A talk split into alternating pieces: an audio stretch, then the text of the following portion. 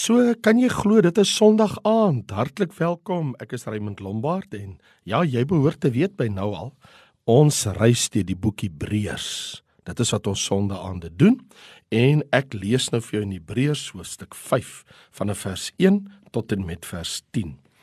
Want elke hoëpriester wat uit die mense geneem word, tree ten behoeve van mense op in die dinge wat in betrekking tot God staan om gawes en offers vir die sondes te bring as een wat kan saamvoel met die onwetendes en dwalendes omdat hy self ook met swakheid bevange is. En daarom juis moet hy net soos vir die volk so ook vir homself vanweë die sondes offer. En niemand neem die waardigheid vir homself nie maar hy wat deur God geroep word net soos Aaron so het Christus ook homself nie verheerlik om hoëpriester te word nie maar hy dit is God het hom verheerlik wat vir hom gesê het u is my seun vandag het ek u gegenereer. Soos hy ook op 'n ander plek sê u is priester vir ewig volgens die orde van Melchisedek.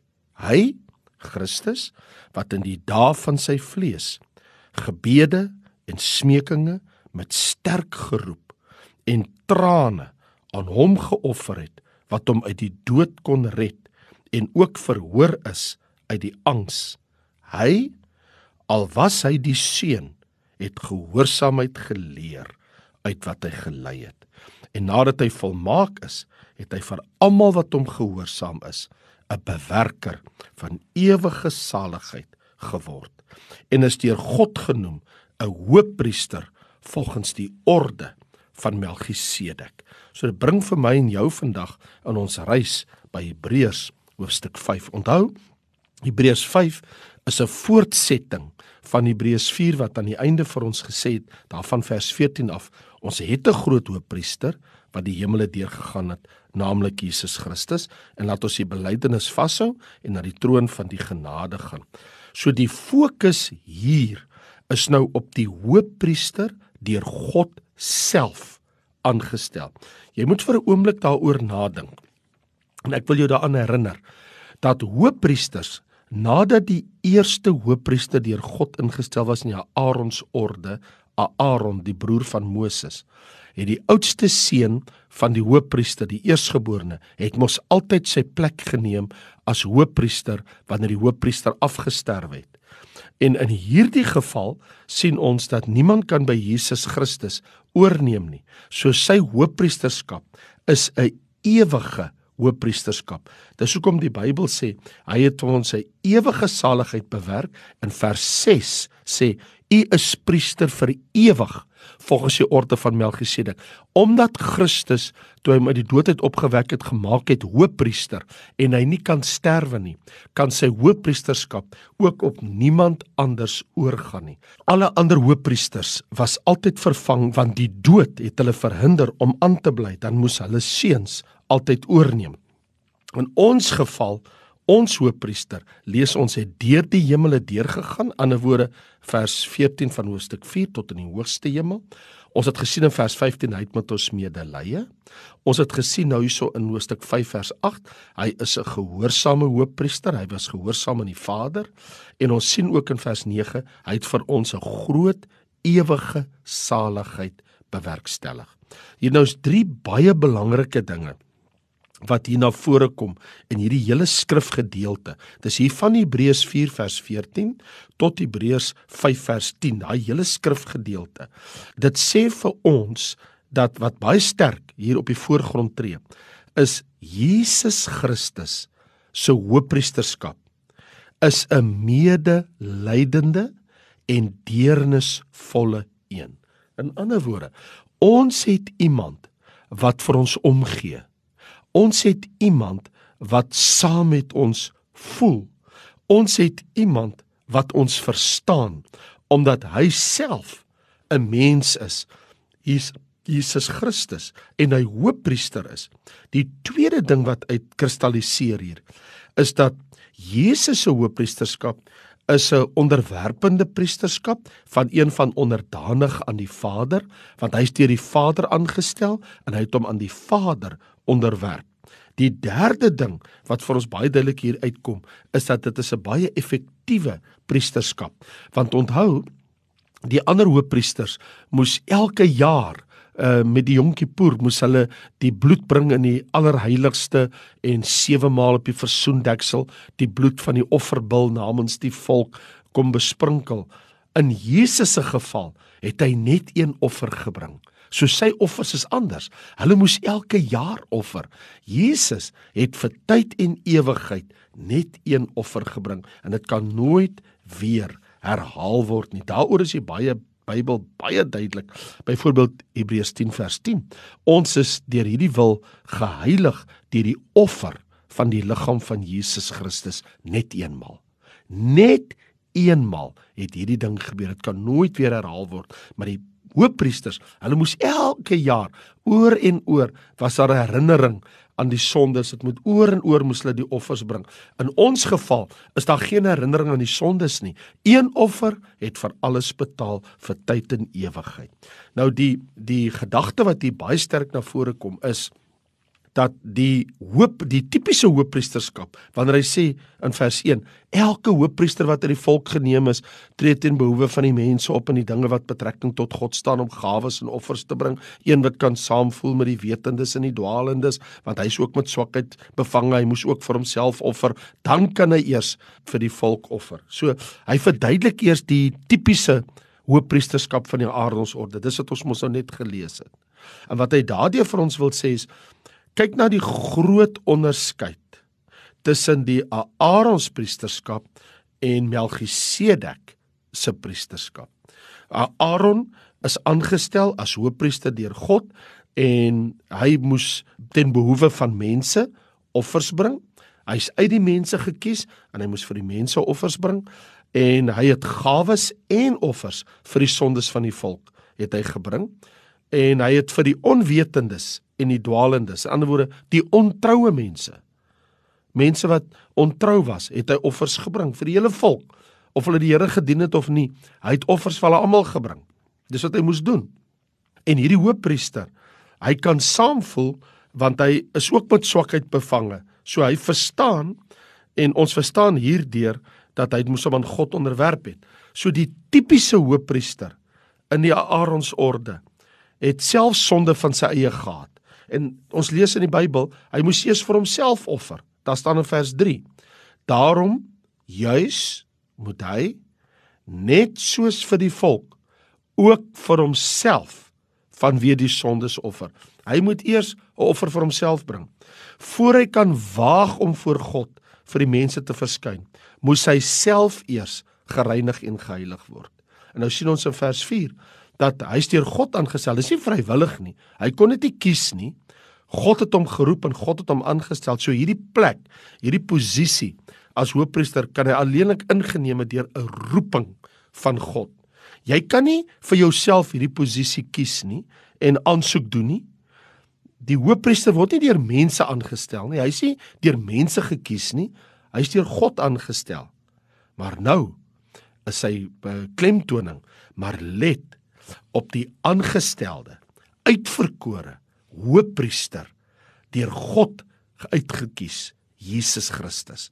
En wil hy vir ons sê, nou skuif die fokus van hierdie menslike priester Aaron na die Godmenspriester Jesus Christus, waar die Here mos al lankal in Psalm 2 vers 7 gesê het: "U is my seun, vandag het ek u gegenereer." Soos wat hy ook hierso sê en hy herhaal dit hierso dat die Here het gesê: "U is my seun." Dis nou vers 5. Vandag het ek u gegenereer. En jy het seker al baie gewonder as jy in die Bybel lees, wat beteken daai woordjie as hy sê ek het u gegenereer? Want want jy lees mos ook in Hebreërs hoofstuk 1 dat die Here dit gesê het. Wel, die antwoord word vir ons baie mooi uitgelig in Handelinge 13 vers 32 en 33 wanneer Petrus hulle verduidelik daar en Paulus hulle en Paulus sê dat God dit aan ons hulle kinders vervul het deur Jesus op te wek uit die doodheid, nê?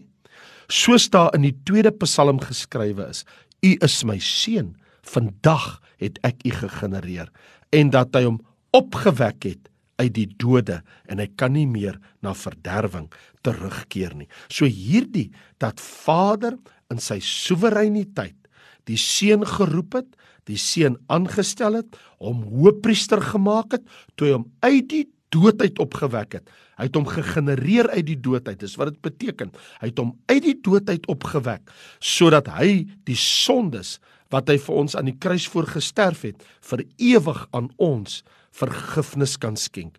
En dit was die besluit al lankal in Psalm 2 vers 7.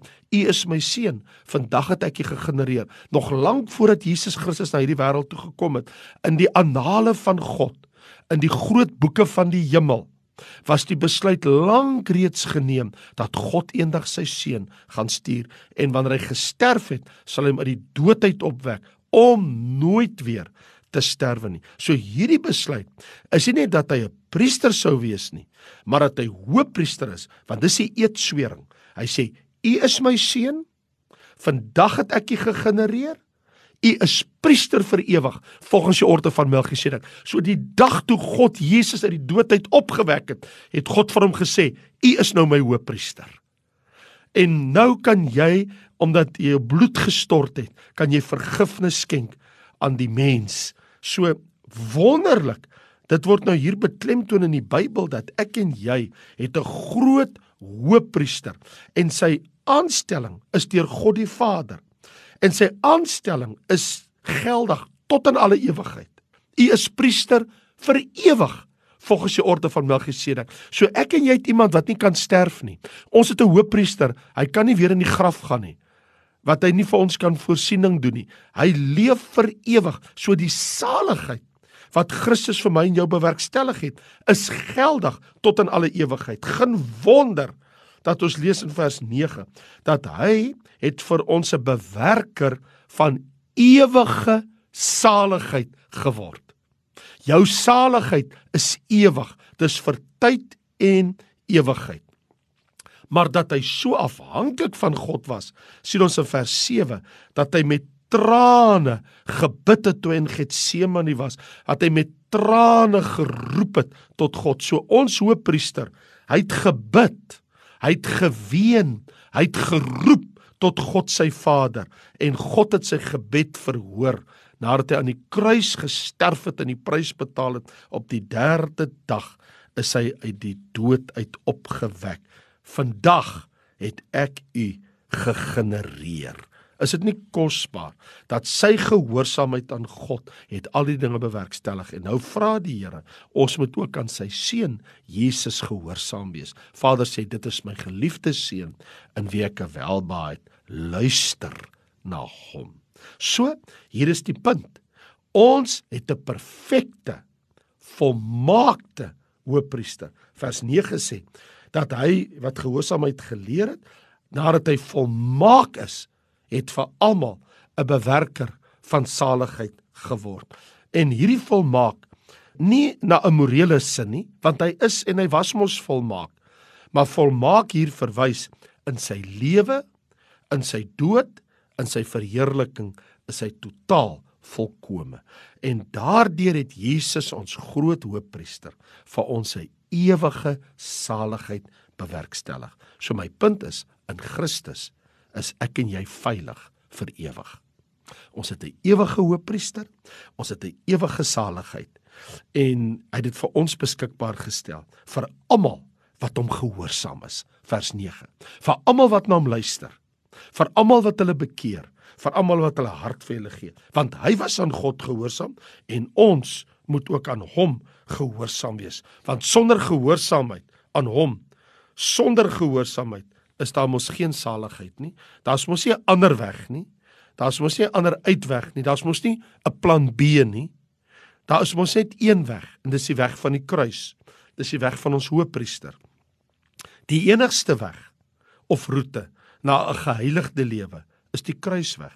Toe die disippels hulle ontsteltenis en afgryse te kenne gegee het oor Jesus se kruis, toe het Jesus hulle vertel dat wie agter my aan wil kom, moet homself verloon en sy kruis opneem. Jy sien hier's die punt. Alles wat ek nou vir jou gesê het, is die goddelike waarheid, maar ook ek en jy moet weet, dieselfde Jesus wat die seun is, wat uit die dood gegenereer is, wat opgewek is, wat hoëpriester is, verwag van jou dat ook jy en ek ons eie kruis sal dra. Wie agter my wil aankom, as jy my disipel wil wees, moet jy jou eie kruis opneem. Jy moet jouself verloon en jy moet my volg elke dag. Om Jesus elke dag te volg, vra selfverloning. En selfverloning is 'n pynvolle ervaring om die minste te wees want dit vra ook 'n lewe van konstante toewyding en gehoorsaamheid as sy disippels.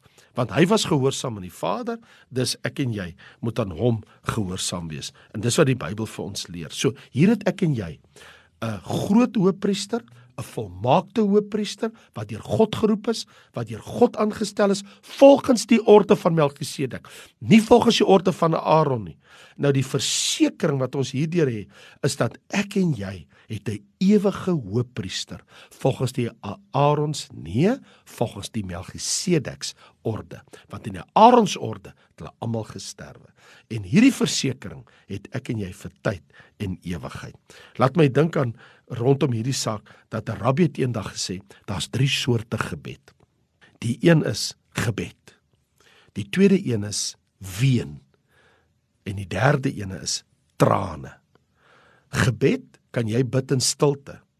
Ween is met 'n stem wat verhef word en trane wat alles oorkom.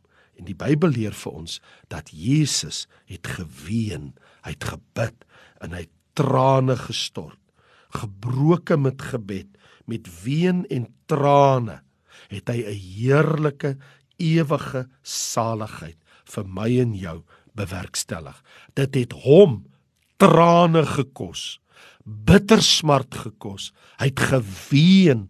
Hy het sy hart was gebroken. Sy sy sweet het in bloeddruppels verander. En weet jy vir wie hy dit gedoen? Hierdie hemelse hoëpriester volgens die orde van Melchisedek, verdwalendes, vir onwetendes, vir onkundiges, vir sondiges, vir sondaars, vir gebrokenes, vir hulpbehoewendes vir hulpeloses, vir verwerptes, vir soekendes, vir gekrenktes, vir treurendes, vir smagtendes, vir soekendes, vir hulle almal, vir jou en vir my. As ons een van hulle is, is hy die hoëpriester na wie ek en jy vandag kan gaan. Is dit nie wonderlik dat ek en jy 'n hoëpriester het volgens die orde van Melchisedek wat vir ons in die hemel kan intree. Dis hoekom die Bybel sê in Hebreërs hoofstuk ehm um, 7 dat hy is van 'n beter verbond het hy borg geword omdat hy ewig bly, het hy 'n priesterskap wat op ander nie oorgaan nie. En nou staan daar in Hebreërs 7 vers 25. Daarom kan hy ook volkome red die wat deur hom tot God gaan omdat hy altyd leef om hulle in te tree. Vader, ons wil U loof en prys en dank vir hierdie kosbare hoëpriester Jesus Christus wat met gebed, wat met geween en wat met trane aan U 'n offer gebring het in Getsemane en gesê het nie my wil nie maar U wil geskied. Wat gebroke was wat in die dae van sy vlees in toe in sy liggaam op aarde was smekinge met sterk geroep en met trane aan U 'n offer gebring het sodat hy ons saligheid kon bewerkstellig het. Daar was nie 'n ander uitweg nie. Toe hy bid en hy sê Vader, laat hierdie beker by my verbygaan, het die antwoord gekom, dit kan nie by jou verbygaan nie. Daar is nie 'n ander uitweg nie. Jy moet die sondebeker ledig tot die laaste droesel. Here Jesus, ons loof U. Here Jesus, ons dank U. Here Jesus, ons prys U. Here Jesus, ons is ons lewe aan U verskuldig. Here Jesus, ons is al ons dank aan U verskuldig dat U dit vir ons bewerkstellig het. Hierdie ewige saligheid, hierdie redding van ons siele, waarlik waar U is 'n goeie, goeie God. U is 'n goeie, goeie Here dat U dit alles vir ons gedoen het terwyl ons dit nie verdien het nie. Terwyl ons onkundig, onwetend, sondaars, verwerptes, gekrenktes, terwyl ons soekendes was, het U dit vir ons gedoen. Ons kom na U toe met 'n diepe dankbaarheid. Ons dank U vir hierdie groot heerlike saligheid, hierdie ewige saligheid wat U vir ons bewerkstellig het. Ons loof en dank U Vader dat U dit alles vir ons gedoen het deur Jesus Christus, U seun. Amen. Ja, toe ek is Raymond Lombard, daarvan volle van gekerk lewende woord. Ek groet vir jou en ja, volgende week reis ons weer verder. Baie dankie en totsiens.